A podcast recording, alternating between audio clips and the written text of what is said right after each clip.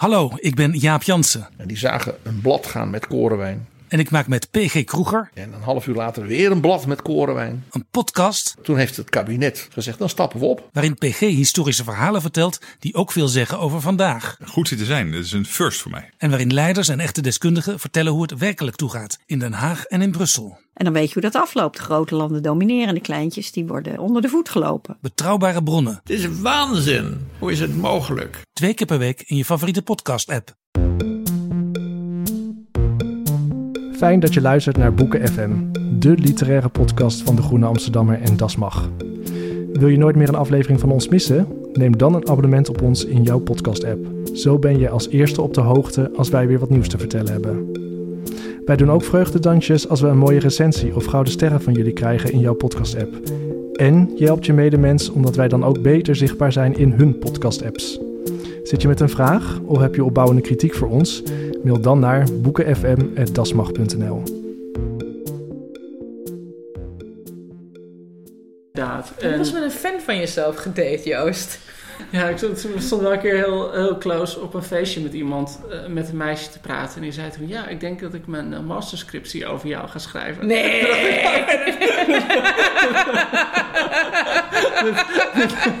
Zal ik jou eens een titel geven?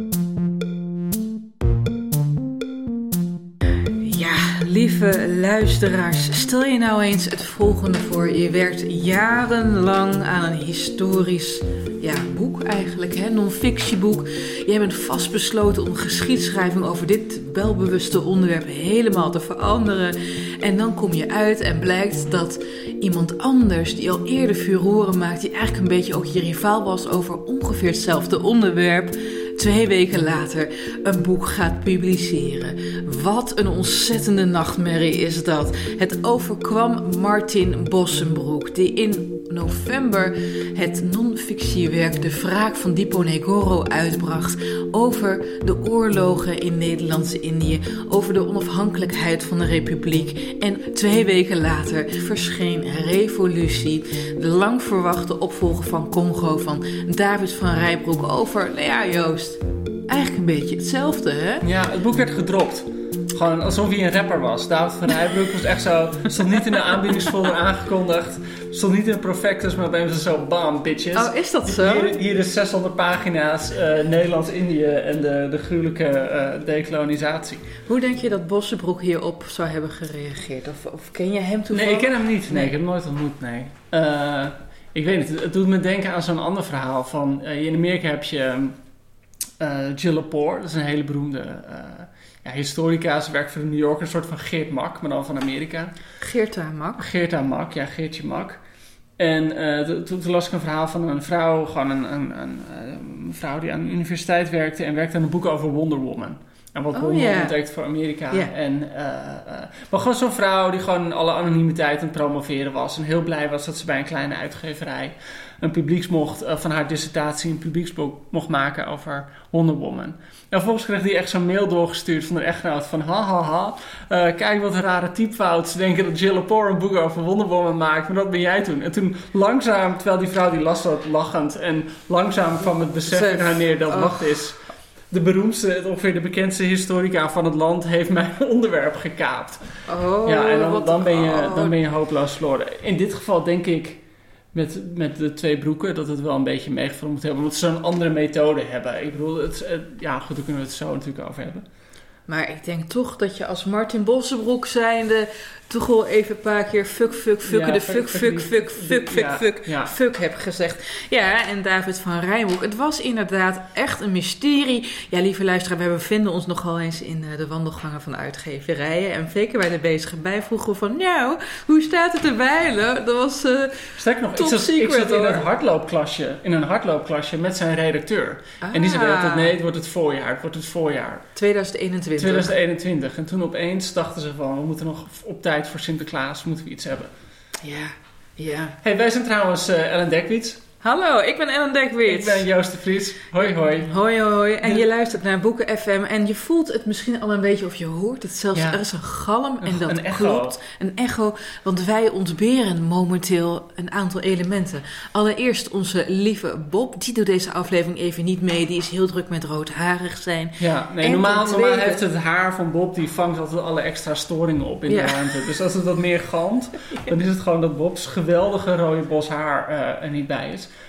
Hij staat nu gewoon op het spuis dat die boeken in te pakken. Ja, heel belangrijk. En we missen natuurlijk eh, het kraakbeen van de podcast. Solar plexus eh, van Boeken FM. Het fontanel van deze aflevering. Oh, Merel. Merel is heel erg moe, mensen. Dus die is even Die lekker. heeft even een pauze. Die heeft een pauze, dus die is even lekker aan het uitrusten. Dus jullie moeten het met ons doen. Joost de Vries, adjunct hoofdredacteur van de Groene Amsterdammer en begenadigd schrijver. En, met mij. Begenadigd dichter.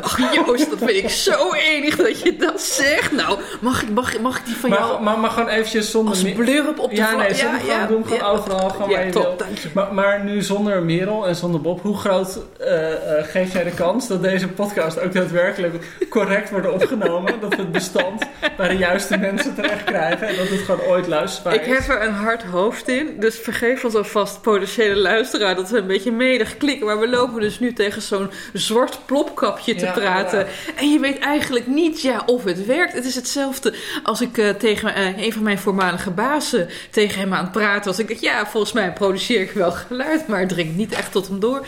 Maar hier zijn we dan en we gaan het allerbeste ervan maken. Deze aflevering noemen we de Battle of the Broeken. Martin Bossenbroek versus David van Rijbroek. We gaan beide boeken bespreken. Let op trouwens, lieve luisteraar liefhebber van literatuur. Het zijn in beide gevallen non-fictiewerken. Daar moet je tegen kunnen. Maar wel literaire non-fictie. Oh, stond het zo aangekondigd, Joost? Nou ja, kijk, ik bedoel, eh, eh, het grote boek waarmee David van Rijbroek in 2012, 2010, is 2010? doorgebroken eh, naar echt een massa publiek, echt honderdduizend lezers. was zijn boek Congo. Eh, in Heb feite, je dat gelezen? Ja, heb ik gelezen. Vertel er eens wat over. Ehm, nou ja, wat, wat ik meteen wil zeggen om te bewijzen dat het, of te bewijzen, dat heeft toen de ACO Literatuurprijs gewonnen. Omdat het gewoon zo'n literaire vertelling is. En wat, wat hij daar deed, en voor mij was het heel leuk om te lezen, omdat mijn broer, mijn broer eh, in dat jaar naar Congo verhuisde. Die werkte voor de VN. Zo, wat? Ja, die, eh, dus, dus die ging naar Congo toe en toen kwam dat boek uit. Dus dat was een hele grappige toevalligheid. Dus ik heb dat toen echt meteen gelezen. dat Ben je ook naar. Congo geweest? Nee, ik ben nooit geweest. Nee. oké. nee. Dan heb ik een inenting nodig. En je Ja. weet, is niets in de wereld waar ik bang voor ben. Ik bedoel, als er een brandend weeshuis is, je weet, ik ren naar binnen. Ik heb je het zien die doen. hele slaapzaal wezen En mijn de embryo's. En de embryo's. Gewoon red ze allemaal. Maar gewoon eh, injectienaalden, is, is, dat is mijn enige angst. Dus het vaccin laat ik ook straks maar gewoon... Als, als gewoon alle andere mensen wel het vaccin nemen, dan dat, probeer ik mezelf wijs te maken. Weet je, grappig Joost, want ik ga me ook niet vaccineren. Maar dat is omdat het dan een perfecte reden is dat je niet bij een begroeting mensen hoeft te zoenen op de wang. ja, kan je dat gewoon zeggen? Dat is Zalig. heerlijk, dat je nou Zalig. van die drie kussen af bent. Maar Congo, van Congo. David van Rijboek. Eh, in principe is dat natuurlijk, was dat boek het, het- ja, de geschiedenis van de laatste 150 jaar, hoe Congo is gekoloniseerd. Eerst als privé-eigendom van koning Leopold, Mhm. die daar echt ja, het meest gitzwarte, gruwelijke regime heeft uitgevoerd. eh, dat je voor kunt stellen, waarin eigenlijk die hele bevolking tot slaaf werd gemaakt. En in eindeloze rubberplantages moest werken. Gemutileerd. Nou, ze hadden een, een vreselijk pijnlijk systeem dat ze zeiden: Oké, jullie zijn nu onderdanen, jullie moeten belasting betalen. Alleen, ja, eh, die mensen eh, Hadden werkten vaak ook niet met geld, het was nog een hele tribale cultuur. Dus om je belasting af te betalen, moest je gedwongen te werk worden gesteld. Dus een bizar manier om eh, een heel land in de, de slavernij te helpen. En inderdaad, mensen die, die gestraft werden, werden echt aan de lopende band armen en handen afgehakt. Ja, dat, Nou, dat, dat is een aantal jaar, of dat is een aantal decennia privé-eigendom geweest. Toen hebben de, is het gewoon van de Belgische staat geworden. Nou ja, als je nu door Oostende loopt, maar ook stukken van Brussel. Nou, dat, dat is helemaal van die koloniaal, eh, met koloniale geld opgetrokken steden. En wat, wat eh, Van Rijbroek heel mooi deed, want die vertelde dat verhaal van dan tot nu. Dus met de onafhankelijkheidsstrijd in de jaren 50, jaren 60. Lumumba, de burgeroorlogen die er in Congo daarna zijn geweest. Is dat hij het niet als een historicus vanuit de bibliotheek vertelde, maar dat hij gewoon eindeloos op zijn tuk-tok of op zijn brommetje door eh, de achterlanden van Congo is, is gereden. En uh, ja, David van Rijbroek, ik, ja, volgens mij is hij gewoon, uh, hoe zeg ik dat, gerontofiel. Het is gewoon zo iemand die elk bejaardenhuis dat hij binnenkomt, uh, vlijend, vlijend met een zoete stem er binnenkomt. En, en de oude vandaag tegenover zich zegt en zegt, nou vertel maar. En dus hij vertelt heel erg die geschiedenis van onderop. Dus gewoon van gewoon normale mensen die het hebben meegemaakt. En wat hebben ze gezien? Ooggetuigen. Ooggetuigen. Ja. heel veel oral history dus ook. En soms, sommige historici hebben daar kritiek op, omdat ja, die, die herinneringen van mensen zijn ook maar herinneringen. Dus en het recht van de oudste. Tuurlijk, dat is heel erg. Uh, en eigenlijk doet hij nu precies diezelfde methode voor revolutie. En hij is dus echt heel veel in, in Indië geweest. Hij spreekt allemaal mensen in Nederlandse verzorgingstehuizen. Hij is uh, in Nepal geweest. Ja, ik hoop maar gewoon Japan. dat hij geen corona had. Want anders was hij echt een van de superspreaders... die gewoon al die verzorgingstehuizen plat heeft gekregen. Ja. Maar ook in Japan, inderdaad. Ja. Uh, dus hij heeft heel erg dat, dat, dat verhaal van uh, bottom-up. En Bossenbroek doet precies het tegenovergestelde. Die beschrijft een veel langere geschiedenis. Dus niet alleen die onafhankelijkheidsstrijd van Indië of Indonesië. Ik weet eigenlijk niet hoe je het moet noemen. Uh, nou ja, Indonesië. Ja, Indonesië. En hij beschrijft eigenlijk de, de Aceh-oorlog. Aceh-oorlog, Aceh-oorlog in het begin van de 19e eeuw. En dan uiteindelijk maakt hij een sprong van 100 jaar naar de decolonisatieoorlog. Of de onafhankelijkheidsoorlog moet je eigenlijk zeggen. En hij beschrijft het juist heel erg vanuit hoofdrolspelers. Dus mensen die wel bovenop zitten. Dus uiteindelijk heeft hij het over Sukarno. En uh, het wat natuurlijk de leider was. Of de, de, de, officieuze leider van de Indonesische onafhankelijkheidsstrijd. En uh, van Mook die een soort van de laatste landvoogd van ja. uh, Indië is geweest. Een van de laatste landvoogden, ja. ja. ja. en als het, laten we het ook even vertellen over uh, hoe hoog de stakes zijn. Want Martin Bossenbroek, die publiceerde in, ik meen 2000 11 of 12 de Boerenoorlog. 12. 12 ja. Libris Geschiedenisprijs ja, gewonnen. Shortlist van de ACO Literatuurprijs. Ja, en ik vond dat een geweldig fantastisch boek. Zeg. Dat gaat namelijk, lieve luisteraars, ja, over de boerenoorlogen in Zuid-Afrika. Ja. Hij toont de politiek, politieke top, ook de Nederlandse politieke top. Wilhelmina heeft ook nog een leuke, gezellige rol in.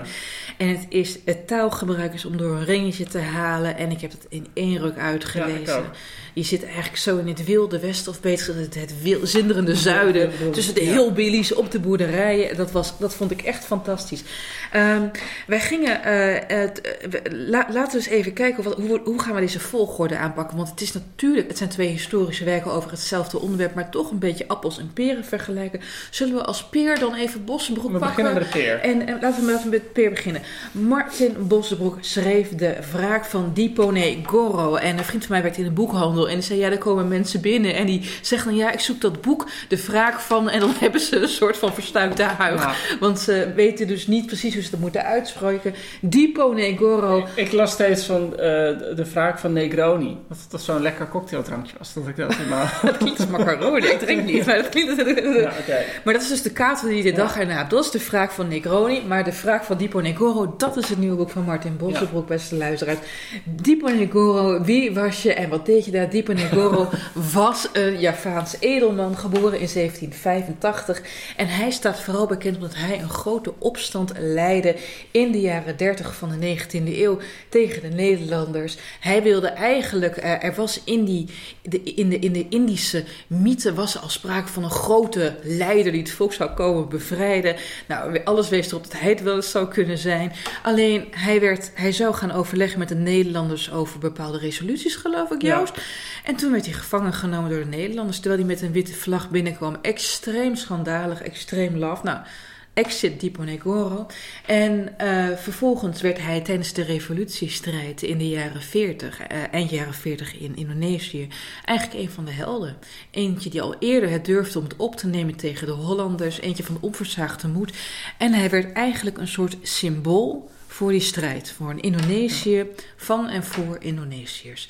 Maar Bossenbroek doet iets interessants in zijn boek. Hij uh, zegt in de inleiding eigenlijk al, hij, hij, hij, dat vind ik heel grappig om te lezen, Joost. Kijk, uh, Ik lees graag flapteksten. Gewoon te kijken, want Ja, ja. wij weten allebei dat auteurs hun eigen flapteksten meestal En- en van de, de Groot geheim. Publieke geheim. Ja, maar luister. al die complimenten die er staan van Jozef. Vries is een wervelende schrijver. En is de belangrijkste jonge dichter. Ja, allemaal maar het werkt, want mensen geloven het. en je wordt ook zo daarmee aangekondigd op literaire festivals. En hierbij stond van, nou, Martin Bosbroek, jaartal, eh, heeft de Nederlandse geschiedschrijving naar een hoger plan getild. Nou, dat vind ik, dat vind ik nog, weet je wel, oké. Dus, dus Jo- Johan Huizinga was, was het plateau nog bovenaan. Ik vond het interessant. Nou, eh, wat je wel kunt zeggen ja. over Bossenbroek, en, en dat is denk ik ook de reden waarom jij en ik zo, zo gek zijn op de Boerenoorlog, dat Mhm. boek, ehm, is dat hij in Nederland, kijk in Engeland en Frankrijk heb je dat veel meer, waarin historici voor een groot publiek schrijven en dat ook doen op een hele, veel meer verhalende manier. Veel meer Precies, met, de Engelse hoofd- traditie. met hoofdpersonen, Ja. met spanningsbogen. Ja, Anniette van der Zijl werkte ook zo. Ja, Aniette van der Zijl Ja. werkt ook zo. Ja. Eh Auke van der Woud is een hele, die kan dat ook heel mooi. Roxanne van Ypres. Ja, Roxanne van Ypres. Eh, ehm, en hij deed dat ja, met, met de Boerenoorlog gewoon geweldig. Had hij eigenlijk dat, dat boek eh, drie hoofdpersonen. Hè? De Boerenoorlog ging tussen de Engelsen en de Afrikaners. Eh, en waar de Nederlanders een soort van diplomatieke eh, bemiddelende rol Ja, in en de boeren natuurlijk. zo. Ja, nee, de, de Afrikanen, Ja, dat ja, zijn ja, de ja. boeren natuurlijk. Eh, en, en dus hij had een, een, een verhaal, of één deel van het boek was dan helemaal uit een jonge Winston Churchill verteld. Die gevangen genomen, die oorlogscorrespondent was, gevangen werd genomen. Dus dat leest echt en ontsnapte. Ja. Nou, dat is echt zo'n spannend verhaal. En hij heeft het verhaal van een beetje een tragische Nederlandse diplomaat die daar probeert te bemiddelen. En dat gaat helemaal mis. Dus dat, er zit zo'n mooie tragische lijn in. Ja, tragicomisch ook. Ja, ook, het heeft ook iets grappigs inderdaad. En, en dus wat dat betreft begrijp ik wel wat, wat, wat die flaptekst zegt hoor. Van hij, heeft een, hij heeft in ieder geval is hij erin geslaagd. En dat heeft hij met een aantal andere boeken ook. Hij heeft een heel mooi boek over eh, het einde van de Tweede Wereldoorlog. Over de terugkeer van slachtoffers in de Tweede Wereldoorlog. De mailstreep. Hmm. Ook een heel mooi boek, heb ik heel lang geleden gelezen. Dus het is wel iemand die echt iets doet wat in de Nederlandse geschiedschrijving niet vanzelfsprekend is. Dat dat echt gewoon en heel steekhoudend onderzoek doen, maar dat wel echt op een, op een verhalende manier vertellen. Ja. En het zal me niks verbazen als dit boek ook weer gewoon voor zo'n ACO genomineerd wordt. Ja. Bestaat niet meer, maar zo'n soort prijs. Ja, want de, de grap is, het is ook weer een bijzonder verhaal verteld. Daarover nog even een kleine... Dan wou ik heel even terug nog gaan over hoe hij dit boek inkadert. Een kennis van mij, die eigenlijk niet zoveel leest... die was begonnen met eh, dit boek. En zei, wauw, dat is gewoon echt een soort spannend jongensavonturenboek. Een beetje de jongens op de bontekoe. Dus het zegt ook even iets, lieve luisteraars... over de spanningsbogen die hij hanteert. Terug naar de inleiding. Daarin zegt hij een aantal interessante dingen. Onder andere dat hij eigenlijk geen band met het land heeft. Hij zegt heel stoer, ik ben nog nooit in Indonesië geweest. In het daaropvolgende hoofdstuk lees dat hij in Indonesië is. Maar heeft hij dat hoofdstuk waarschijnlijk iets dat vroeger ja. geschreven. Vond ik erg interessant. En hij zegt, dat vond ik belangwekkend... Ik heb geen hutkoffer op mijn zolder staan. En daarmee bedoelt hij dat hij geen Indische roots heeft. Want dat is een groot cliché uit de Indische literatuur. We hebben allemaal een hutkoffer die onze Ja.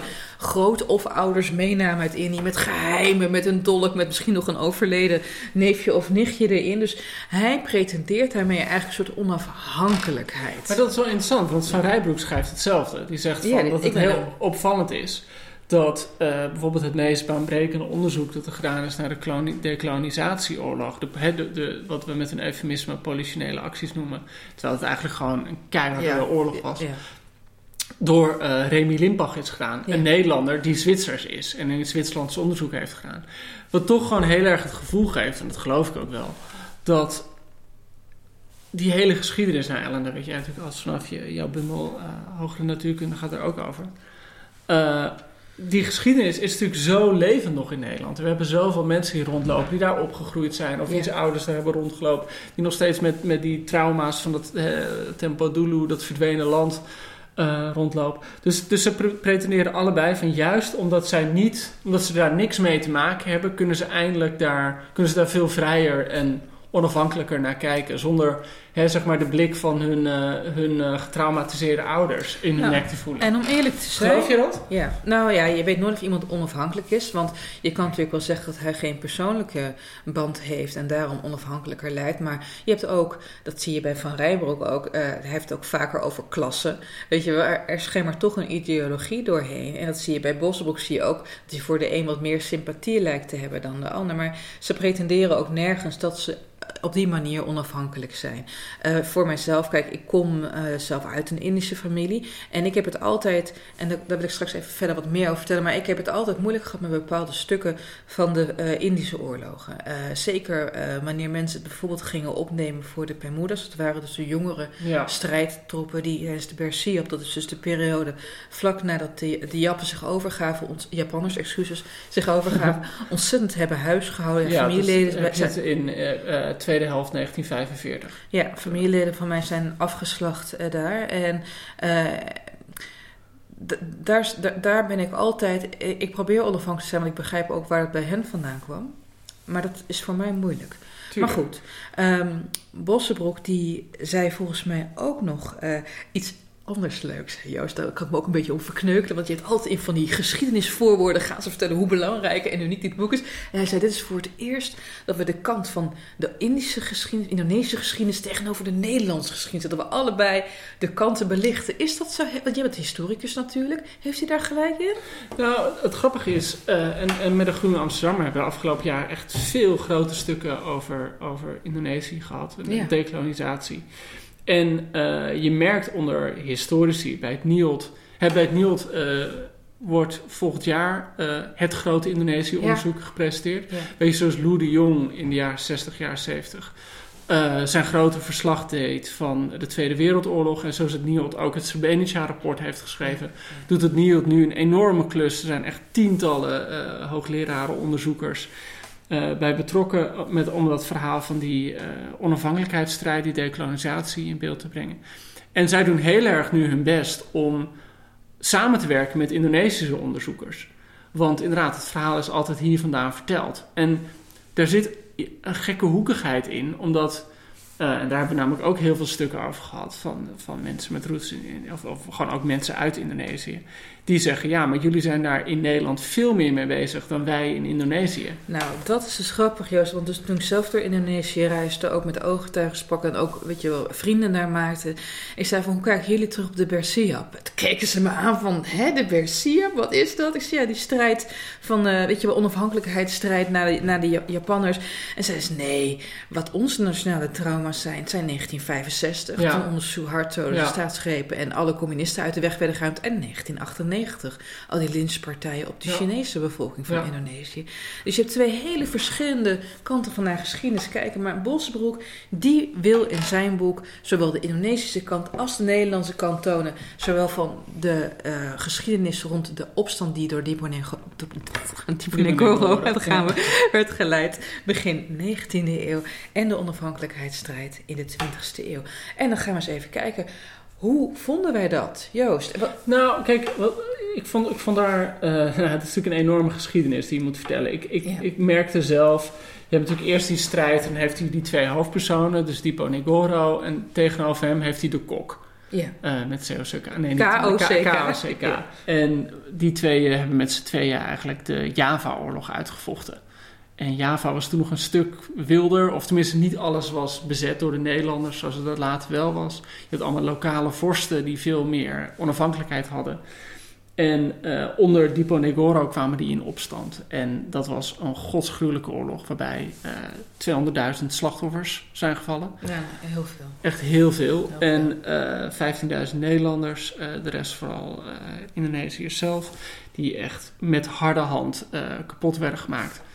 En um, ja, er zit ook iets, iets bizars in. Hè? Dat je de kok had die dan eigenlijk een soort in Nederland een soort held was. En uh, hier... Waarom, waarom, was hij een held? Nou, omdat hij de man was, en dat, dat vonden we op dat moment van Nederland geweld, die echt met hele harde hand die oorlog kapot, uh, of tenminste de, de, de, de Indiër eronder kreeg, de Javaan eronder kreeg. En hij kreeg de Koninklijke Willemsorde. Ja. En hij werd tot de adelstand verheven. Dat is wel echt iets dat ik mis, dat niemand meer tot de adelstand verheven kan worden. Ik had je zo graag barones Dekwiets ja, uh, ja, gezien. Graaf Joost, ja. Graaf Joost. En, maar tegelijkertijd wisten toen al wisten die Nederlanders. En, en soms zie je ook, hè, je, je bent altijd geneigd om, om geweld al goed te praten in die tijd. Maar uh, uh, de kok mocht geen landvoogd worden daarna. Waarom? Of gouverneur-generaal. Nee, ja, omdat, hij zo, omdat hij zo gruwelijk tekeer werd. Dus toen al wisten die mensen al van eigenlijk voeren we hier oorlog op een manier die zo systematisch, zo hard is, dat het gewoon niet kan. Dus nou, dat zegt heel veel. Maar wat hij dan eigenlijk die sprong maakt en Negoro uh, is vervolgens opgepakt. Uh, hij kwam inderdaad, wat jij al zei, met witte vlag, uh, kwam hij praten. En, ja, nou, hij beschrijft het ook heel leuk. Van bla bla, keuvel, keuvel. Oh ja, je bent gevangen. Van, ja, wat? Een soort red wedding, maar dan, ja. maar dan net anders.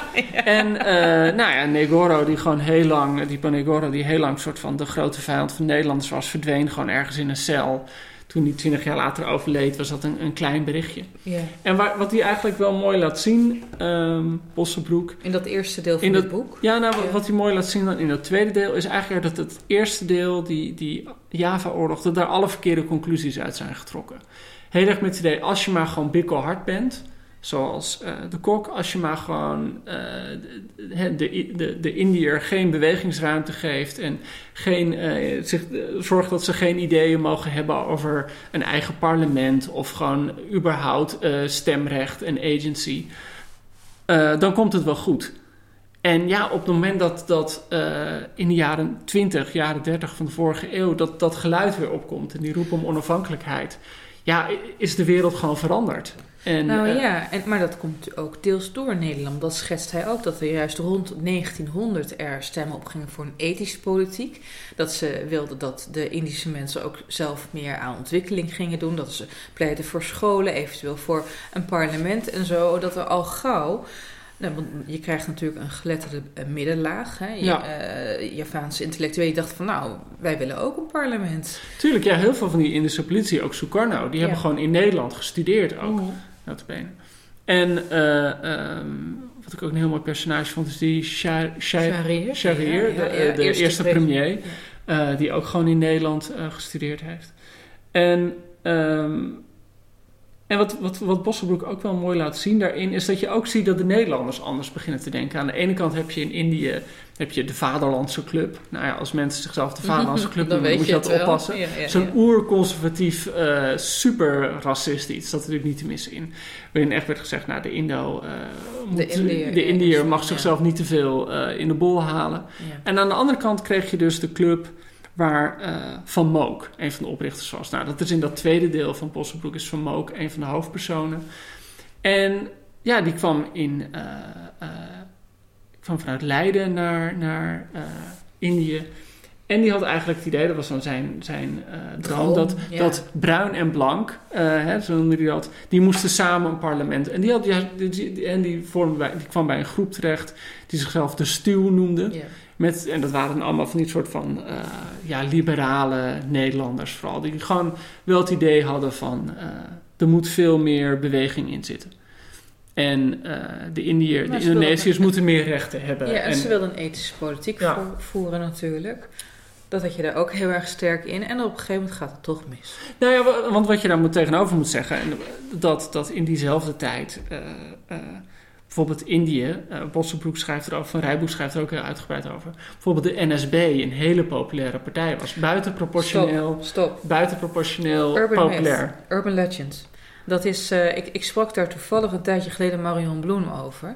Uh, het valt dus echt wel mee. En ze zei van ja, er kwam, er kwam, er kwam een aardig aantal in, zo Indomannen op af. Hè? Dus ja. uh, lieve luister, is natuurlijk een verschil tussen, als je dat niet weet, een, een, een Indische man en een Indoman. Bij een Indoman ben je gemengd, ben je van zowel ja. Europees als Aziatische komaf.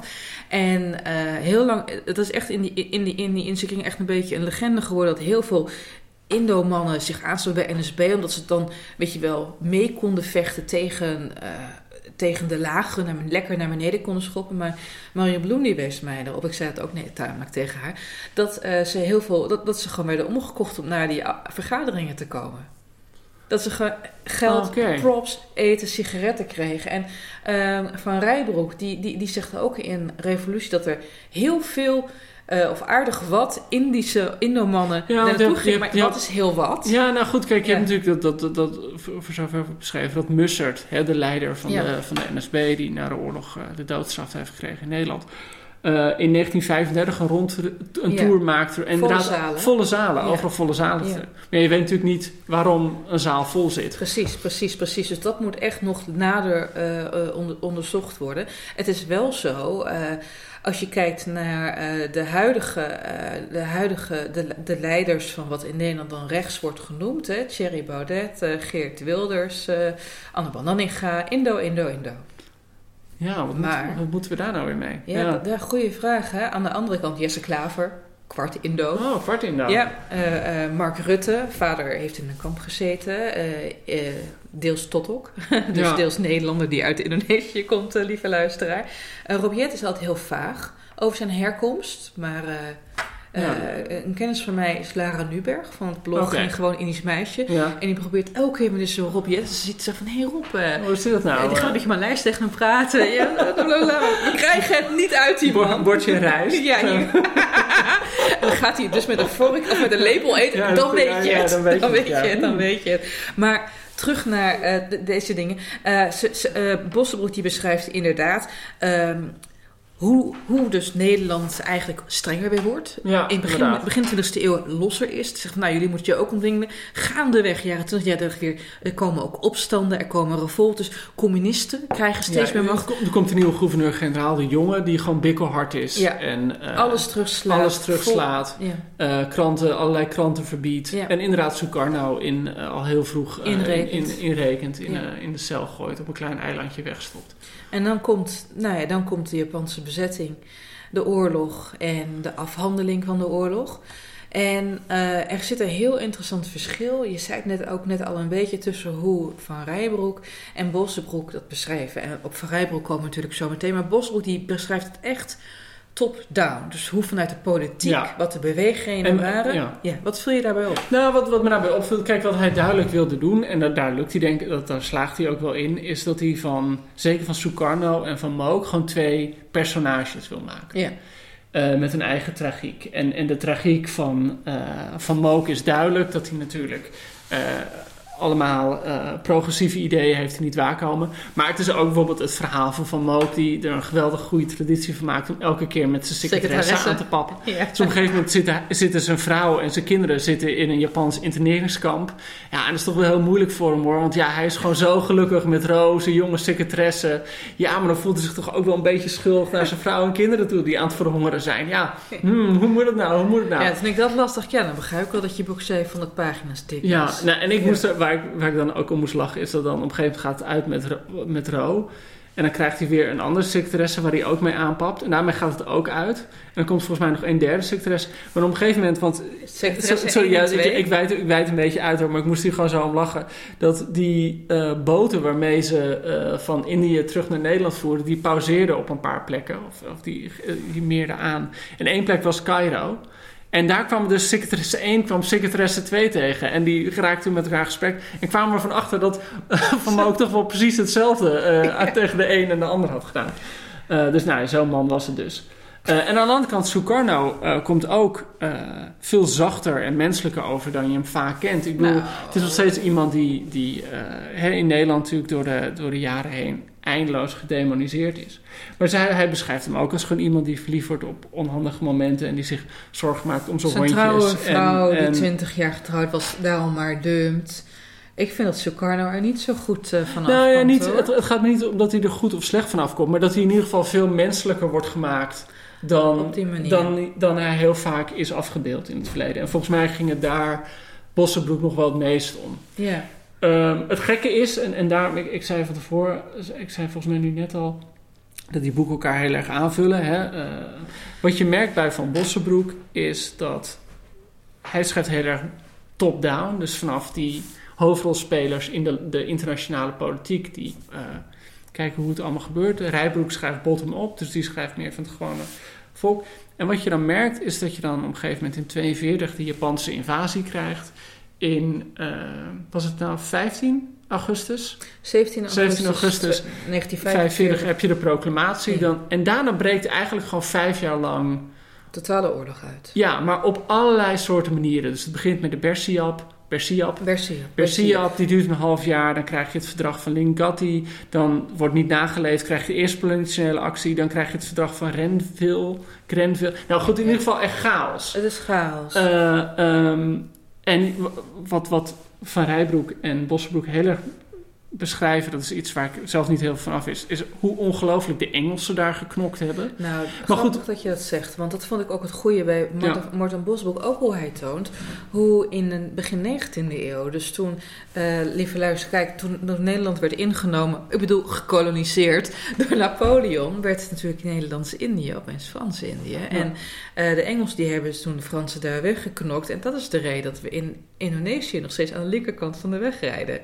Is dat, moest zo? Je, ja, dat moest je toen, toen ook al oh, met karren doen. Grappig, okay, hè? Ja. Ja. Maar goed, wat je dus merkt is dat, dat als dan eenmaal die chaos, die, die decolonisatiechaos uitbreekt, dat dan dat top-down van, van Bossenbroek, dat werkt dan minder. Want, Precies. Want hij heeft natuurlijk een aantal, hij heeft niet alleen Sukarno en Van Mook, maar hij heeft ook nog allemaal bijfiguren die dan af en toe hun hoofdstukjes hebben. Waar ik af en toe echt niet meer wijs uit kon Nou, worden. En, en dan merk je dat er gebeurt dan zoveel op de grond. Ja. En hè, die Bersiap, dat zijn Bermuda's die niet per se, uh, ja, die gewoon uh, vanuit zichzelf chaos trappen. Die, Ja, nou- niet, die niet centraal worden aangestuurd. Precies. Pemudas, lieve luisteren, dat waren jongeren uh, die uh, eigenlijk nadat de onafhankelijkheid werd uitgeroepen, die waren deels getraind door de Japanners om als ordentroepen en zo, als verdediging. Maar ja, die dachten nu van we willen vrij zijn. Ja, die dachten nu van dit is ons moment. ja. En, en zij zijn opgegroeid onder hè, in de jaren twintig dat Nederland steeds repressiever werd. Precies. En die dachten van oké, fuck, fuck everything, Ja. een nieuwe wereld. Ja. En nou, dat is met gruwelijk veel geweld gegaan. Ja, zij hebben ook de hongersnood meegemaakt. Dus toen, we, we hebben hier in Nederland kennen wij vooral het oorlogsnarratief vanuit de, de witte kant. Dus de internering in de Japanse interneringskampen. Maar er heeft, hebben gigantische hongersnoden natuurlijk geheerst. Dus die Bermudas hebben ook hun ouders zien verhongeren, broers en zusjes, vernederd zien worden. Ja, ja goed. En, en de- dan merk je dus dat eh, die top-down strategie minder werkt. Dus dat zijn eigenlijk de laatste honderd bladzijden van het boek. Ja. Dan zijn er te veel personages en er gebeurt te veel op de grond. En toen raakte ik wel echt even kwijt. En daarom, hè, wat ik net al zei, van daarom vallen, vullen die boeken, twee boeken elkaar, die twee broeken elkaar zo mooi aan. De broeken vallen elkaar, of Ja. vervullen elkaar heel erg aan. Ja, Maar hoe vind jij dat eh Bossenbroek dat gedaan heeft met die personages? Want hij heeft natuurlijk ook een beetje een soort literaire stijl. ja. En ehm, ja, hij probeert het toch ook wel gewoon soms echt een beetje als een goed verhaal. Een Hij spannend probeert verhaal er, hij, pro- nou, ik, ik had soms had ik al, heb ik in de kantlijn geschreven van nou opa vertelt hoor, dat klinkt echt heel lullig, maar hij heeft af en toe heeft hij een hele mooie stijl. Dan beschrijft hij Indonesië als één lange keten eh, van, van vulkanen. Nou, dat vind ik een prachtige typering. Hij vertelt, vertelt ook, hij is af en toe heel grappig. Dan vertelt hij over Tom Raffles, hè, dus de toenmalige Engelse gouverneur, dat die voor een workaholic verrassend goed was in feesten en partijen. Nou, dat vind ik, dan klap ik op mijn dij. Ehm, maar gaandeweg, zeker op een gegeven moment gaat hij heel erg van Mook, gaat hij zich inleven in Van Mook en daar gaat het mis. Dan wordt het vooral met alle uitzonderlijke aandacht die hij aan het privéleven van Van Mook besteedt, wordt een beetje een grote GTST-factor. Eh, ik, ik ga even jullie even voorlezen uit het boek, lieve luisteraars. Het gaat over met die eerste secretaresse. Het was begonnen als kameraadschap onderweg. Met begripvolle woorden, bewonderende blikken, terloopse aanrakingen en de eerste tedere liefkozing. En tenslotte de troostende lichaamswarmte. Hij was, kortom, verliefd op zijn secretaresse, op Ro. En zij op hem.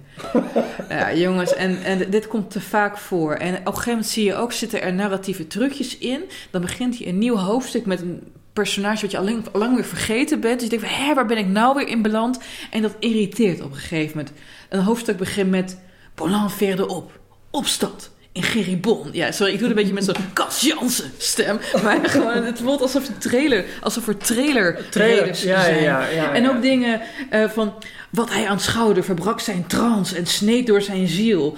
Of dan opent de alinea een vat vol tegenstrijdigheden.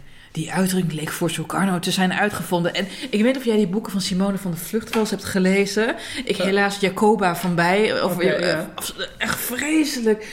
En ja, ik, ik, die, die stijl, die zorgde ervoor dat ik op een gegeven moment zo'n weerzin had. En het onderwerp is mijn familiegeschiedenis. Dus ik moet wel, I love this.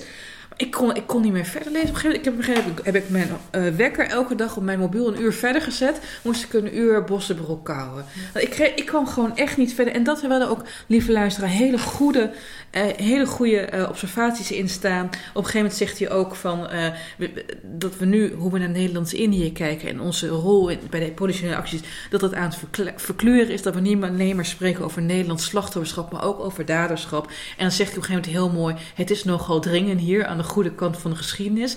Dat soort fraseringen tonen. Weet je wel, maar die zijn veel magerder. Bij de boerenoorlogen was dit schering en inslag. Nou ja, en wat, wat, wat mij, en ik, ik ben een stuk positiever denk ik dan jij over het boek hoor, maar ja. wat mij dus soms een beetje opbrak, uh, was dat het inderdaad, nou precies wat je nu beschrijft, het daardoor ook wel heel erg een verhaaltje werd. Ja. En hè, ik bedoel, Van Rijbroek in, in Revolutie is echt heel erg op zoek naar hoe die, hoe die geschiedenis nog steeds bestaat, nog steeds zichtbaar is. Nog steeds gewoon letterlijk, uh, er lopen nog steeds honderdduizenden mensen rond die het hebben meegemaakt.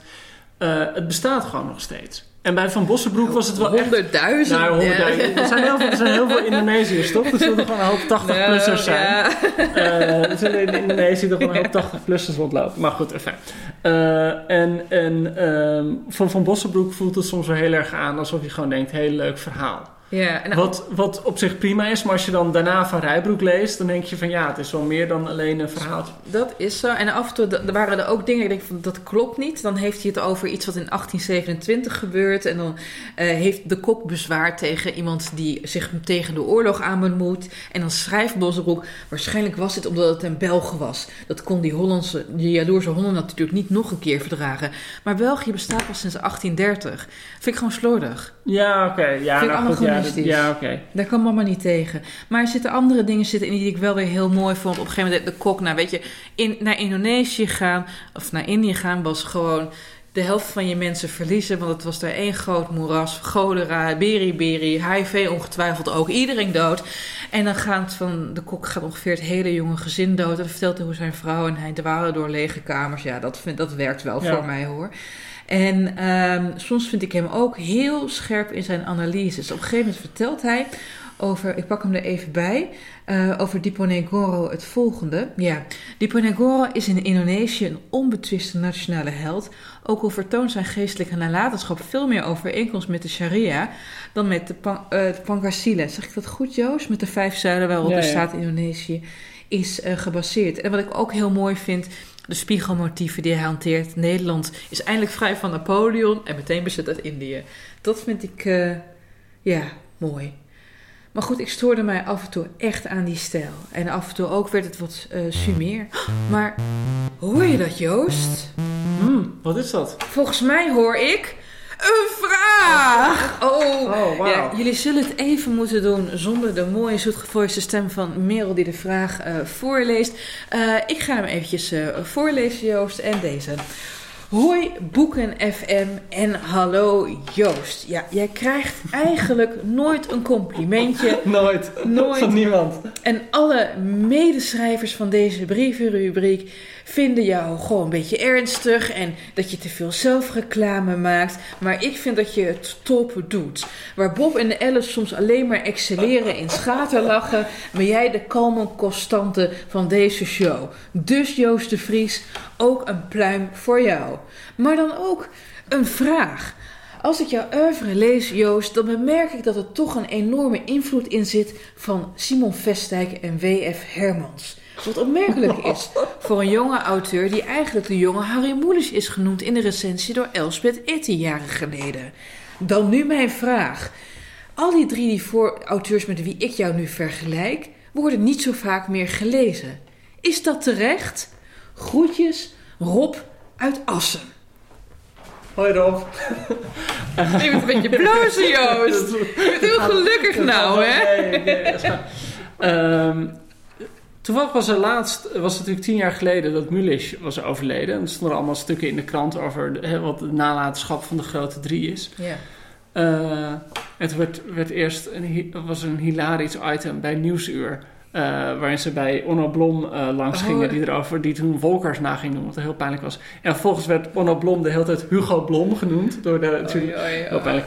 Maar toen is er wel op geweest dat Mulisch, eh, vooral Mulisch, nog steeds heel goed gelezen wordt onder scholieren. Oh ja? En ja, nee, en, en sommige van Hermans ook hoor. Dat zijn wel echt van die, van die ehm, boeken die gewoon niet weg te, le- te, te- weg te slaan zijn uit de leeslijsten. Maar Vestdijk, daar Vestdijk, ja, ik op dat- middelbare scholen. Hoor jij nog wel eens iemand over...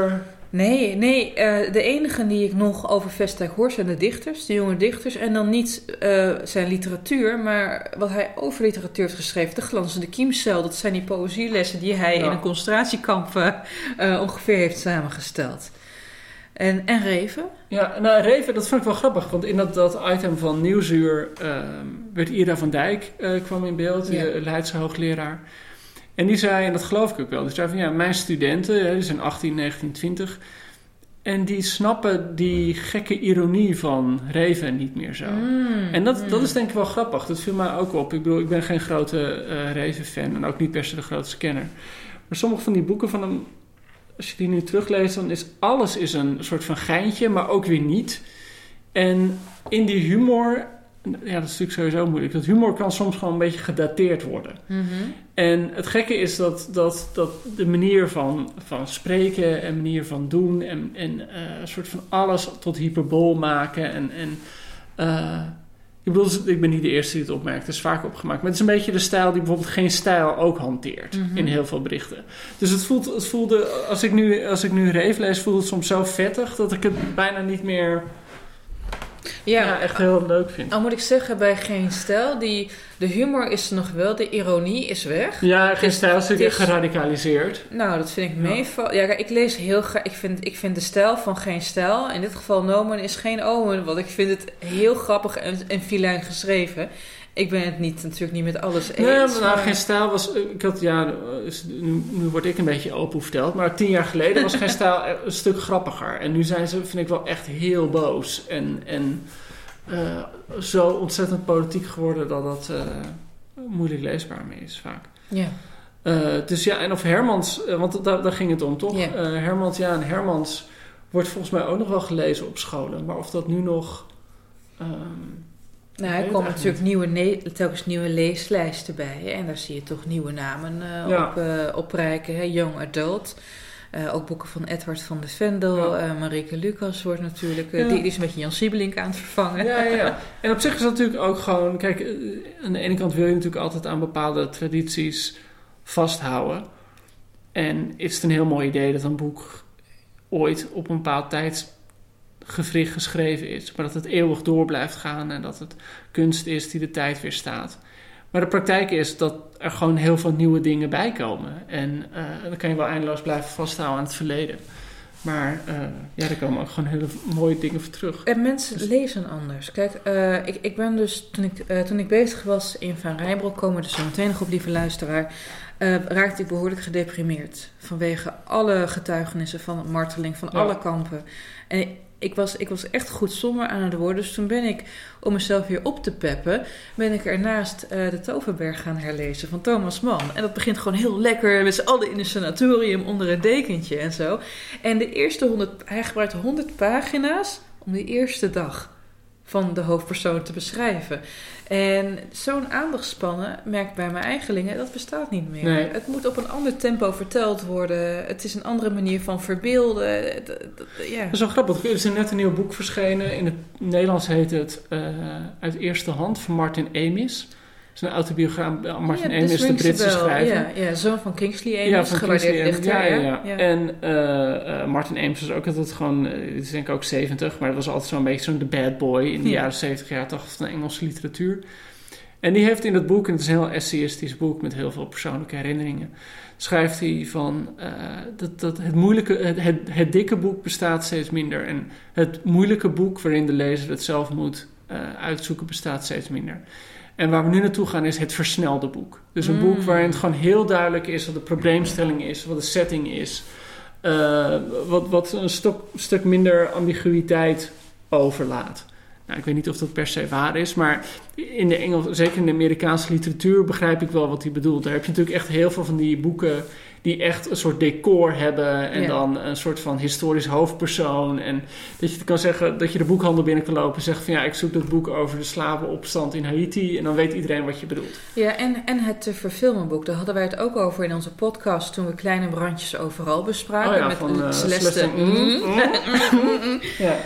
Je ziet eigenlijk al op basis van de, van de flaptekst dat je hiermee bij Netflix kan gaan Ja. pitchen. En het wordt trouwens een... eh, Ja, het, is al een- serie al volgens mij. Oh, is Ja, dat is zo? Volgens mij is het in Amerika al uit, ja. Oh, interesting. Oké. Ja, Nou, goed eh, Rob uit Assen. ja Ik Rob, hoop As, het, eh, dankjewel. bevredigend, groetjes, eh, groetjes ja. thuis. Ik heb ook nog een vraag hier. Hoi Joost, Merel, Ellen en Bob. Oh. Ik heb aan jullie een vraag. Die is heel simpel.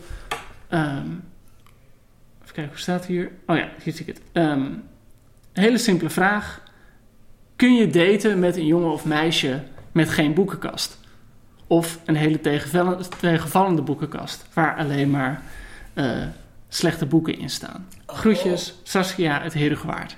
Saskia, nou dat vind ik een hele in. Ja, want weet je, we hebben natuurlijk allemaal wel eens, dan ben je op date met iemand en je denkt, nou alles gaat gesmeerd. En dat dit is natuurlijk voor coronatijden, lieve mensen. En dan kom je thuis en dan kijk je in de boekenkast en dan zie je toch een aantal boeken staan waarbij je denkt, nou, ik weet... Mijn Kampf bijvoorbeeld. Ja, Mein Kampf. Ik weet, Ja, ik weet, gaan. ik weet. Eh, ja, Weet je, kijk Saskia, dat ligt natuurlijk... Je hebt daten en daten. Er zijn natuurlijk mensen met wie je date... dat je denkt, nou, dit, eh, dit is gewoon even voor een horizontale lambala. Daar moet verder niet moeilijk over. En er zijn mensen met wie je natuurlijk voor het echtje date. En ik... eh, eh, mijn geliefde is doctorandus in de Engelse letterkunde. En dat eh, wist ik gelukkig voor ik met hem op date ging. Dus, dus dat, dat, dat- daar ben ik dus heel Dan heb je Blij iets om over te praten altijd. dan ja. heb je iets om over te praten. Maar ja, kijk, je, kijk, kijk het, het oog wil ook wat. Hij is, hij is gelukkig heel leuk en knap en zo. Ik ben natuurlijk een beetje biased, ik weet waarom. Maar ik heb ook wel eens met mensen gedate. Ik denk, nou, ze zijn verdomd lekker. En eentje die was helemaal fan van het, het werk van Paulo Coelho. Er zitten interessante verhalen bij. Maar hij dweepte er zo mee dat ik er toch een beetje frigide van werd. Ja, dat is Ja, geen ja, nee, dat is geen vervolgdate. Nee, daar kom je niet... voorstellen, ja. nee, nee. En jij dan, Joost? Heb je dat wel eens gehad? Nou, ben jij ja, boeken, kijk- boekenkastsnob? Is het voor mannen anders? Ehm, ik zit er zelf nu over na te denken, inderdaad. En- was met een fan van jezelf gedate, Joost. ja, ik heb wel... Nou, Met Rob uit Assen bijvoorbeeld. ja, ik stond, we stonden wel een keer heel, heel close op een feestje met iemand, eh, met een meisje te praten. En die zei toen, ja, ik denk dat ik mijn uh, masterscriptie over jou ga schrijven. Nee!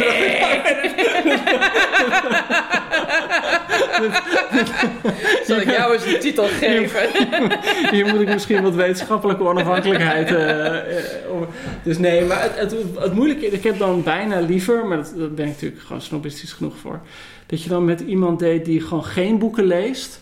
Dan iemand die tegen je zegt: Ja, ik heb nou zo'n ongelooflijk slim boek gelezen. Het is van Ernst van der Kwast. Nou, het is zulke hoge literatuur. Nou, Dat je, weet je wel, dat, dat je denkt van nou, Ernest nou, luistert nou. naar ons, hè? Oh shit, shit, shit. Laat maar eens. Oké, en, eh, of, of eh, Ernst van der Kwast kan je elke andere naam voor invoeren. Maar gewoon die- dat je dan dat je denkt van, hè, is dit nou het, het allermooi? Weet je, dan heb je een beetje zo'n dat je denkt van, oh god. Nou, ik heb het wel eens gehad dat een jongen, ik denk dat ik echt een leuk gesprek met zei, ken je trouwens de gedichten van Lars van der Werf? En dat je echt, nou ja, dan voel je, wil je gewoon iets in je bekkenbodemregio Ja, afsterven. nee, dan, dan voel je gewoon eh, een, hele generatie eicellen gewoon zo. Ja, serieus, een Ja. clitorale rigor mortis. Om het maar op zijn af. Baudets te zeggen. Ja, nee, Ja, nee, ja, ja, dat- dus er stief iets flink af. Ehm, Dus ja, ik denk, ik denk dat, het heel, dat het kan als het, eh, zoals Ellen zei, dat het niet te serieus moet worden. Eh, maar je wil toch wel iemand. En nogmaals, niet, iemand hoeft niet allemaal te lezen wat jij gelezen hebt. Maar we moeten het wel, denk ik, belangrijk vinden op zijn minst. Ik bedoel, voor jou en mij is het. ja. Er zijn, dit gewoon ons leven. ja. En als iemand dan denkt, ja, het is Geen maar een boek. dus, en er zit geen verschil tussen, eh, eh, tussen eh, Jozef Brodsky en eh, ehm, Tim Hofman. Tom Hofman, hoe heet die man ook weer? je, hebt, je hebt Tom Hofland. Tom Hofland. Ja, jongen. ja de, eh, En je van- hebt Tim Hofman. Tim Hofman, hele aardige lieve jongen. Maar prutdichter. Maar een prutdichter, dat bedoel Ja. ik. Dus, dus je wil wel dat je denk ik te maken hebt met iemand die daar aanvoelt wat daar het verschil tussen Ja, is. weet je Saskia, ken, je- ken je haar trouwens, Heru Gewaard? Je kent Saskia, ja. Ah, je wist dat zo'n vraag ging. Oh, wat grappig. Wat wel zo is, kijk, eh, ik, heb, ik ben ook wel eens iemand geweest die gewoon niet las. Helemaal oké, maar die ging als ik aan het lezen was er doorheen praten. Oh, Weet je wel? Oh, dat, ja. ja, dat, dat, dat, dat schiet gewoon niet op. Dat schiet niet op. duidelijk. Goed, dit waren de vragen. Op naar David van Rijbroek. David van Rijbroek. Broek Wie number ben je? two. number two. David van Rijbroek. Wie ben Who- je? who's behind pants number two? ja, nou, juist. Dat moet je echt niet doen, jongen. Dat wil iedereen zichzelf identificeren. Ehm, wat mij opvalt bij, bij hè, we hadden net al... Wat- Wat Van Rijbroek, even, even, even voor de goede verstaander. 200 ooggetuigen heeft hij geïnterviewd. Opmerkelijk van Japanners Ja. tot Gurkha's. Dat zijn de Nepalese strijders en de Indiase strijders die meestreden. Tot Nederlanders, tot Indo, noem het maar op. Hij is echt, ik moest bij hem met dit boek denken aan, hij is kuifje. Dan zit hij, vertelt hij, nou, toen ik eh, op een brommer door Nepal reed. En dan slaapt hij weer ergens in de, in de Java-zee eh, op het dak van de ferry onder de sterren. Ik, ik mis alleen Bobby nog, of misschien is dat zijn reisgezellin Eva Rovers in dit boek of zo. Maar ik dacht, ah, lekker. Dit is iemand met weet je, kuifje omhoog, camera om, daar gaat hij. Ja, en dat merk je denk ik ook wel in het boek, dat de eerste 100 pagina's eh, vond ik wat stroever. Dan vertelt hij echt zo 400 jaar kolonisatie. Dat vond ik dus Eh, heel sterk en goed uitgelegd. Ja, ik dat vond ik heel ja, goed. Maar, ook iets meer. maar ik vond hem eigenlijk eh, heel erg in vorm als hij dan zeg maar eenmaal bij de jaren 20, jaren 30 aankomt. En dat hij die mentaliteitsgeschiedenis doet. En dan, hè, wat ik al zei, van Bossenbroek zit dan echt, eh, die heeft het over de Stuw en de Dam, dus, en over de Leidse school en de Utrechtse school. Dus, dus En de allemaal- Leidse school wilde humaner, wilde Ja. Indonesiërs onafhankelijker krijgen. De Utrecht school zei van nee, onderdrukken. Het zijn Ja. inboorlingen, met Ja. andere woorden dan. Ja, en, en, en dus die, wilde echt, die liet echt zien hoe vooral Nederlandse intellectuelen dachten over eh, eh, de kolonie en hoe die bestuurd moest worden.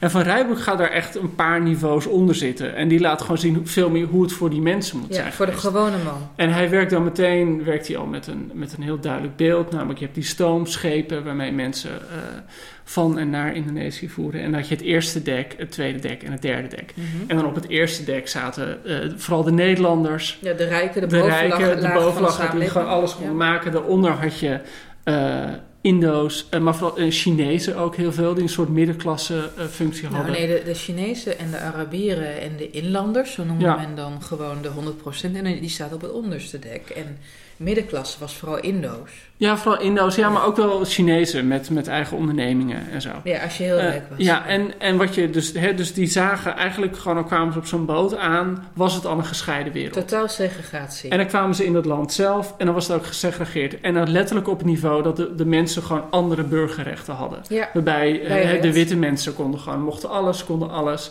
Eh, en ehm, hadden stemrecht, eh, nou, noem maar op. En de andere klassen hadden dat heel duidelijk niet. Eh, dus die laat heel duidelijk zien dat vanaf het begin af aan, eh, ja, nou, wat je al zei, echt een gesegregeerde samenleving is. En wat ik ook interessant vond, is dat hij in zijn voorwoord ook, zegt van ja, ik wilde een minder eurocentrische benadering van deze geschiedenis doen. En dat is een trend. Dat zag je trouwens ook wel bij Bossenbroek. Dat zag je ook bij mooi boek over oorlogsgeschiedenis, het een paar jaar geleden verschenen Vrede en Oorlog van historicus Jonathan Holslag, die in het voorwoord ook zegt van ja, in krijgsgeschiedenis gaat eigenlijk alleen maar over Europa. Dus hij neemt ook, dat is echt fantastisch, de Maya-oorlogen in Zuid-Amerika Ja. op in zijn boek.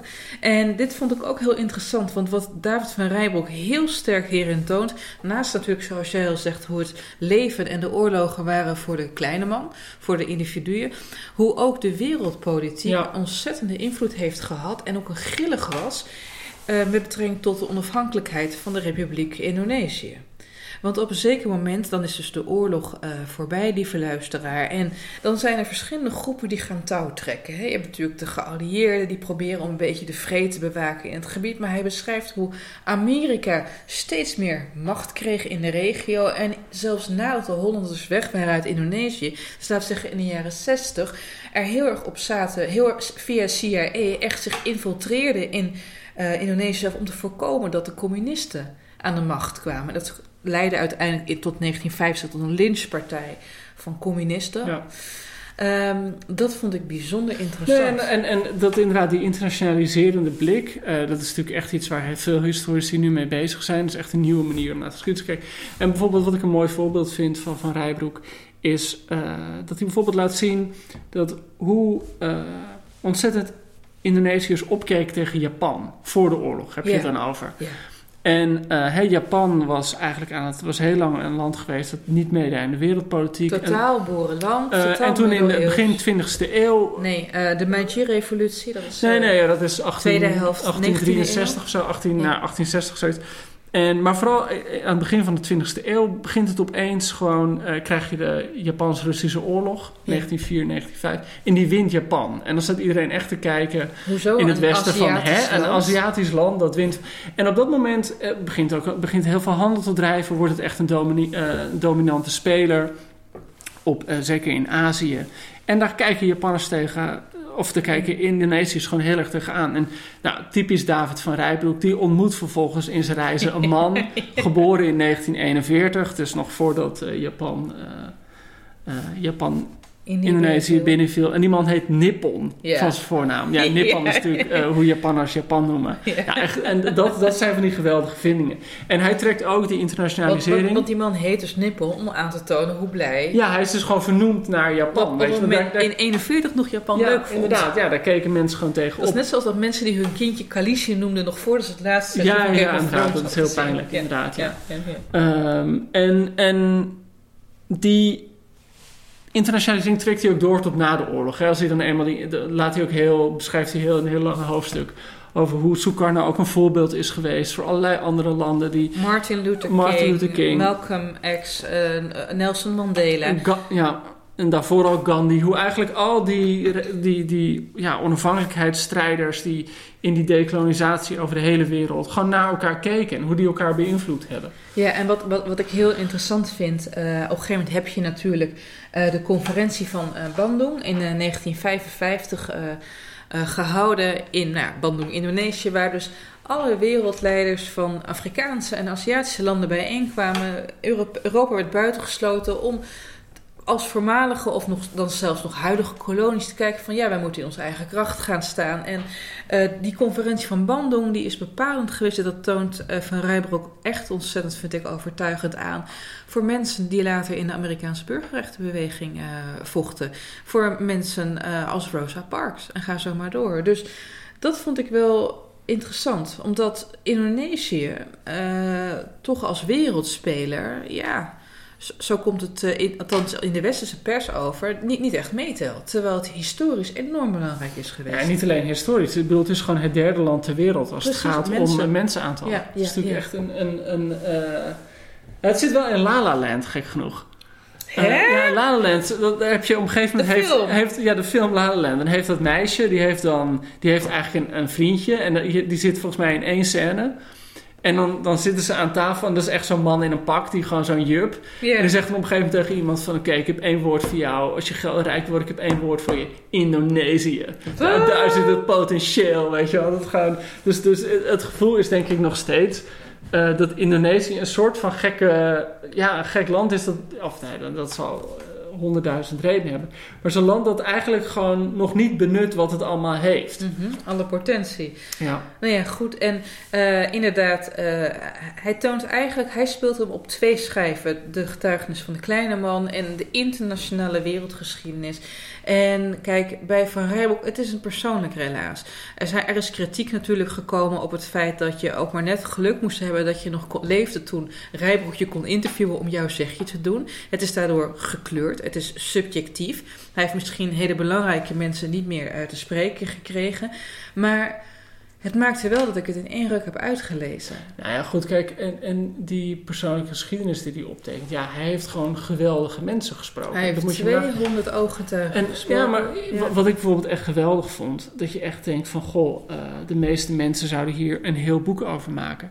Is dat op een gegeven moment in Callans Oog, in een rusthuis, iemand vindt. Pratomo. En, Pratomo, ja. Pratomo. Ja, en die ja. heeft, eh, was een Indonesiër die... Een adelman. Ja, een adelman. danser. Adelman danser in Nederland gestudeerd. Toen brak de oorlog uit. Is hij in Nederland in het verzet gegaan opgepakt door de Duitsers. Naar Dachau naar verstuurd. Dachau verstuurd, waar een kamparts hem bekeken en echt tegen hem zei: een, Wat? Een Indonesiër? Dat hebben we hier nog nooit gehad. Vervolgens moest hij, eh, ja, werkte hij in de totenkamer in Dachau, waar hij de hele dag lijken moest versjouwen. Eh, vervolgens Dachau bevrijd door de Amerikanen. Die vragen: Goh, eh, kun jij met een geweer omgaan? Ja, en hij heeft in zijn jeugd op krokodillen gejaagd. Dus hij zegt: Ja, prima. Dus vervolgens is hij kampbewaker van een bevrijd Dachau. En die denkt bij zichzelf, ja wacht eens, als Dachau bevrijd is, waarom is Indonesië dan niet bevrijd? Precies. Nou, dat zijn echt van die dat je echt denkt, wauw, hoe kan je, gewoon zo'n man, daar kan je een heel boek over maken. en bij David van Rijbroek hij is is wel een een van de hoofdpersonen van dit boek. En ook zijn, als hij dan studeert, lieve luisteraar, dat is zo schattig. Dan ziet hij een, een Rotterdams meisje, Steny. En Ja, ik ja, dacht, ja, ja, dat is een vlotte pop hoor, daar ga ik even mee kletsen. En zij raakt dan ook helemaal bevlogen voor de Indonesische vrijheidsstrijd. ik was zo ontroerd. En hij is dus een tijdje geleden op 104-jarige leeftijd eh, overleden. Maar dat soort getuigenissen zitten er volop. Je hebt eh, getuigenis van Joti. Ik ben even haar naam kwijt. Ze is heel bekend in de Indische. Ik heb ook een paar keer gesproken. Oh, nu gaat ze me echt vermoorden. In ieder geval, zij groeide op in het huis van Linganjati. Waar het verdrag van Linganjati is getekend. En dan vertelt ze hoe ze als kind in de badkamer speelde daar en zo. Dus het maakt het allemaal eh, heel erg eh, dichtbij. Ja, mag, mag, mag nog één, Ja, een van mijn favorieten, vond ik heel mooi. Dat, ja. Nou, in, in maart 1942 eh, valt eh, Japan eh, Java binnen. Oh, Ja, ze Ja, begint, in- ja, in- ja, in in Indonesië, maar volgens mij gaan ze in. Java aan land op een gegeven moment. En dan is er één tank en nou, die, die komt aan. Ik denk, goh, een tank met Japanse soldaten. En die rukken we lekker op, want de wegen zijn best goed. Dus die schieten eigenlijk overal vooruit. En die schieten een, eh, een truck met Nederlandse soldaten omver en worden volgens zelf neergeschoten. En dan spreekt dus Van Rijbroek in Japan, zo'n 100-jarige man of zo, die in die Tank in die zat. tank zat en blind aan één oog is geraakt.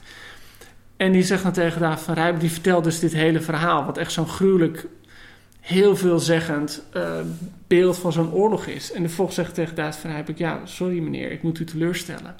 Je bent helemaal voor niks gekomen. Ik ben maar een uur in Indonesië geweest. Ja. Dit, een uur, alles, een mensenleven kan veranderen in een uur. En dan zit van Rijbroek daar tegenover hem een cakeje te eten. En, en die man loopt zich, maakt een buigingje en verontschuldigt Ja, je zich. Terwijl hij gewoon een doen. prachtig verhaal vertelt. Ja, ja. Eh, en dat, ja, dat, dat, dat, dat, eh, is toch wel het unieke van, van zo'n boek als dit. Ja, en ook de manier. Ik, ik gaf net even af op de stijl van, eh van Bossenbroek. Hè. Eh, ik vind de stijl van Van Rijbroek fantastisch. Eh, hij is allereerst zo ontzettend grappig. Alleen al in dat voorgeschiedenisgedeelte gaat hij vertellen hoe men naar de oost wil gaan. Hè. Ik heb het nu over de 16e, 17e eeuw. En dan zeggen de Spanjaarden: Nou, weet je wat? We gaan via de west. Dan hoeven we niet rond het verschrikkelijke Zuid-Afrika heen. En zo groot kan die Atlantische Oceaan nou ook niet zijn. En, als, en 50 jaar later, nou ja, dat is natuurlijk een beetje misgegaan. Ze hebben wel Amerika ontdekt, maar het ging toch mis. En dan 50 jaar later, dan gaan ze dus eh, met eh, eh, Willem Barens. Die zegt, nou weet je wat, we gaan gewoon via Rusland. Weet je wel, want zo groot kan Rusland nog niet zijn. Nou, dat werd dus die expeditie op Nova Zembla, waar iedereen kapot voor. En er zitten hele mooie eh, beelden in. Eh, heden en verleden, zo schrijft op een gegeven moment, liepen in elkaar hoofd als een vloeistof. En op de achterkant van dit boek staat ook vermeld dat Van Rijboek een dichter is. Nou, Af mag- en toe ja, mag gaat hij wel Ja, te ver. zeggen, wat, wat, wat ik dan bijvoorbeeld vervelend vind, is dat hij dan... Maar het zijn allemaal van die Ja. kleine dingen. Maar dat hij dan... Hij spreekt op een gegeven moment een, heel, een hoogbejaarde vrouw in Indonesië... die dan zegt dat ze maar één keer in haar leven... eh, een Belanda, hè, een witte Nederlander, ja, Nederlander heeft gezien. Ja. En dat was om geïnjecteerd te worden met een vaccin tegen de pokken. En dan schrijft vandaag van Rijboek... Het kolonialisme gaat letterlijk onder de huid. Ja, Dat ik echt denk, ja, oké. dat- gast, ja, ja. rustig, rustig, rustig. Maar ook hier op een gegeven moment heeft hij het, eh, ik geloof over de Egyptische generaal Nasser. Die gaat dan alle Afrikaanse landen tot zelfstandigheid eh, opzwepen. Staat er, zijn internationale optreden was als hemelse zoete muntthee. Die hoog vanuit een zilveren theepot de talloze glaasjes van Arabische landen vulde. Ik, Ja, Maar ook heb je zijn dankwoord gelezen. Ik bedoel, het is echt zo, ze geven me licht. Mijn vrienden geven ja, me licht. ja, het is gewoon plankton. Gewoon is plank- fosforoferend plankton. Maar, Maar ehm, ik vond dit boek echt heel erg sterk. En het is gruwelijk. Eh, ehm, maar, eh, en dat vind ik voor mezelf belangrijk. Ik kreeg, wat ik net aan het begin van deze uitzending al zei, hierdoor begrip ook voor de Bermuda's. Dus voor de jonge strijdkrachten die nota bene een deel van mijn familie hebben afgeslacht. Want hij interviewt hen, hij geeft hun kant van het verhaal. En dat zorgde bij mij voor begrip. Nou, en wat, wat, wat, ik, waar, en wat ik al wat even met Bossenbroek, dat als er gewoon eenmaal die chaos van die naoorlogse jaren uitbreekt, dat, dat Bossenbroek daar, dat zijn methode daar iets minder werkt, dan werkt die methode van Rijbroek absoluut beter. Ja, Ik vind het ook echt veel overzichtelijker maken hoe die chaos. eh, en wat, hij, wat, wat denk ik heel belangrijk is voor een historicus. Kijk, heel veel historici hebben de longue durée in gedachten, zoals je noemt. Dus die zien terug van, oké, 100 jaar geleden begon iets te broeien en dat leidt tot deze bloem of deze vulkaanexplosie, om het even zo te zeggen.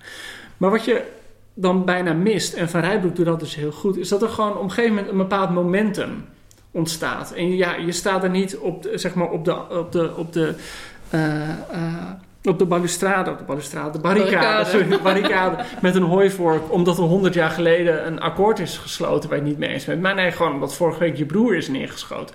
Dus die dynamiek laat hij heel mooi zien en heel menselijk. Ja, absoluut. Wat Van Rijbroek wel iets meer heeft dan Bossenbroek, is dat er soms een beetje, ja, misschien is moraliserend een groot woord is, Oh, maar, maar wel dat hij een beetje soms eh. echt laat zien van erg hè, erg hè. Ja, ja, ja. En oh, wat hypocriet. Terwijl je als lezer ook zonder die zin erbij, ja, zie je al dat het hypocriet is. ja, maar toch is hij empathisch.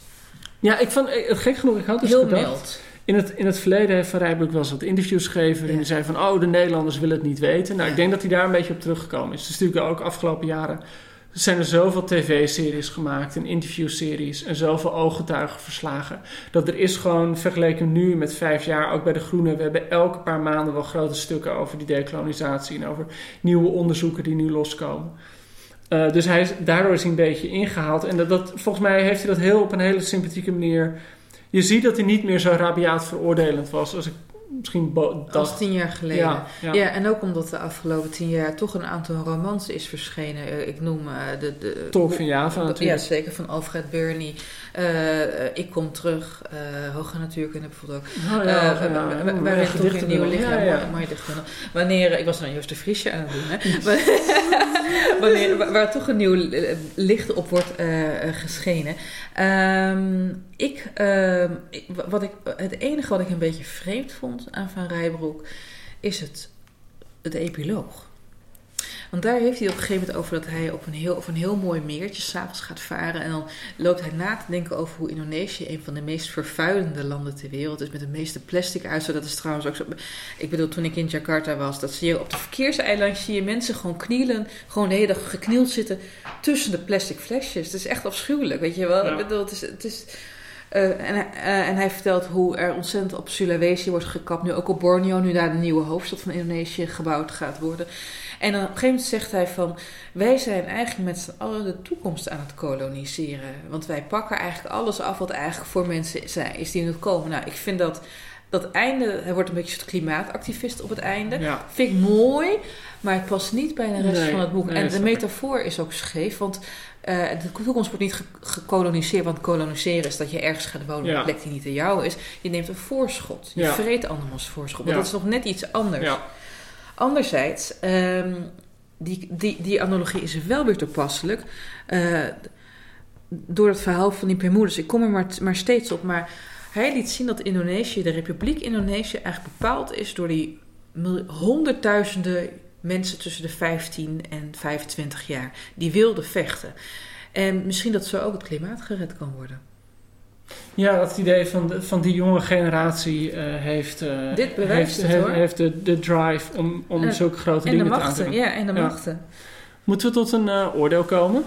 Of, Ja. of zijn er nog iets dingen die je wil zeggen? Nou, nee, we- weet je, ik denk dat wij alles wel ongeveer hebben gezegd. En weet je, lieve luisteraar, er is wel even één ding. Eh, het is, de, de, eh, eh, ook als ik op scholen kom, maar ook als ik met mensen die dus niet een Indische achtergrond hebben, spreek, er is nog ontzettend veel onbekend over Nederlands-Indië. Ik zou eigenlijk deze boeken meteen eh, aanraden, maar voor de mensen die geen tijd hebben, en misschien is het leuk voor de desbetreffende uitgevers, hoort, hoort. Je hebt van Piketty, weet je wel, die van die enorm dikke boeken, bakstenen van boeken Ja, over ja, ja. ideologie, kapitaal en bla bla bla. Heb je ook uitgaves genaamd De Kleine Piketty. Dus heb je het samengevat in honderd. Dus misschien moeten we van deze twee de kleine broek, of de korte broek. Een korte broek. De korte broek uitgeven. Want dat je gewoon even de punten ziet hoe het internationaal is ingebed. Eh, Zo, ja. dat is toch. Ik zie een verdienmodel. En wij Hollanders, de VOC-mentaliteit, wij kunnen. dat. Zo erg was dat met de Piketty, dat weet ik nog. Want Piketty verscheen in vertaling bij de Bezige Bij, geloof ik.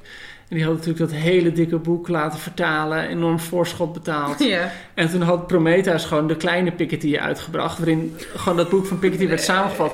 En er stond dus zeg maar Piketty op nummer 6 van de best verkochte boeken. Ja, de en de kleine- Piketty op nummer 5. zo, zo, zo gemeen. Zo zielig. Ehm, Ja. Maar laten we, laten we tot een, eh, een conclusie komen. Allereerst, denk ik, allebei de boeken, wat waren ze ongelooflijk mooi uitgegeven. Echt, Oh, Atheneum, Polak en Van Gennep. Complimenten Schitterend boek, echt een juweel voor je boekenkast. Allebei de omslag. Ja, Ja, allebei de voor je. Echt Prachtig. allebei. Ja, Echt, echt. eh, Ik bedoel, ik heb heel veel boeken die ik binnenkom en soms lees ik sommige die ik lees en ook goed vind, denk ik, ja, hoef ik niet per se te houden. Maar dit zijn echt boeken die je gewoon in je kast wil hebben. Mhm. Ehm, ik heb ze allebei met heel veel interesse gelezen. Eh, ik heb ze ook allebei met heel veel plezier gelezen. Eh, ik vind echt dat Bossenbroek eh, ja, wel degelijk eh, op een. Op een en ik begrijp al het commentaar dat je op hem kan hebben hoor. Maar ik vind wel dat hij echt. je zou willen dat er meer onderwerpen in de Nederlandse geschiedenis zijn. die deze verhalende methode krijgen. Waardoor je Ja, het echt van groter Oh, ja. publiek ontsluit. ja, ja. Dat ja. sowieso. Dus dat boek, hè, we moeten altijd cijfers geven. vond ik, laten we zeggen, een 8. Vond ik heel mooi. Ik ben blij dat ik het gelezen heb. Als ik het niet gelezen zou hebben, zou het niet heel erg zijn. Maar Daad van Rijboek had ik niet willen missen. Mm, mm.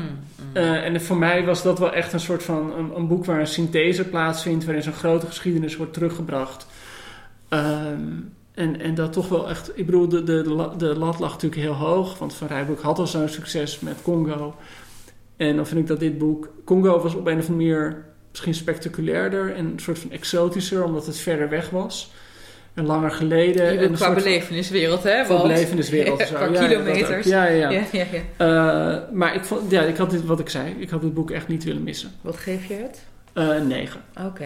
Ja, kijk, met Bossenbroek, eh, lieve luisteraar. eh, mooi verhaal. Ook mooi de achtergronden over Dipanagora. En heel erg leuk om meer te lezen over Indië begin 19e eeuw. Dat vond ik bijzonder interessant. Er zit ontzettend veel werk in.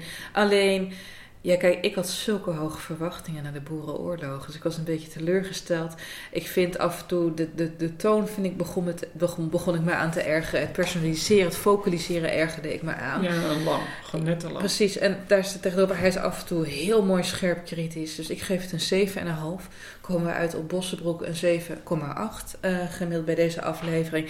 En Van Rijbroek had ik inderdaad niet willen missen. Dit boek zou ik op middelbare scholen gewoon in één lesuur samenvattend uit willen gooien. Eh, het, is, het is grillig.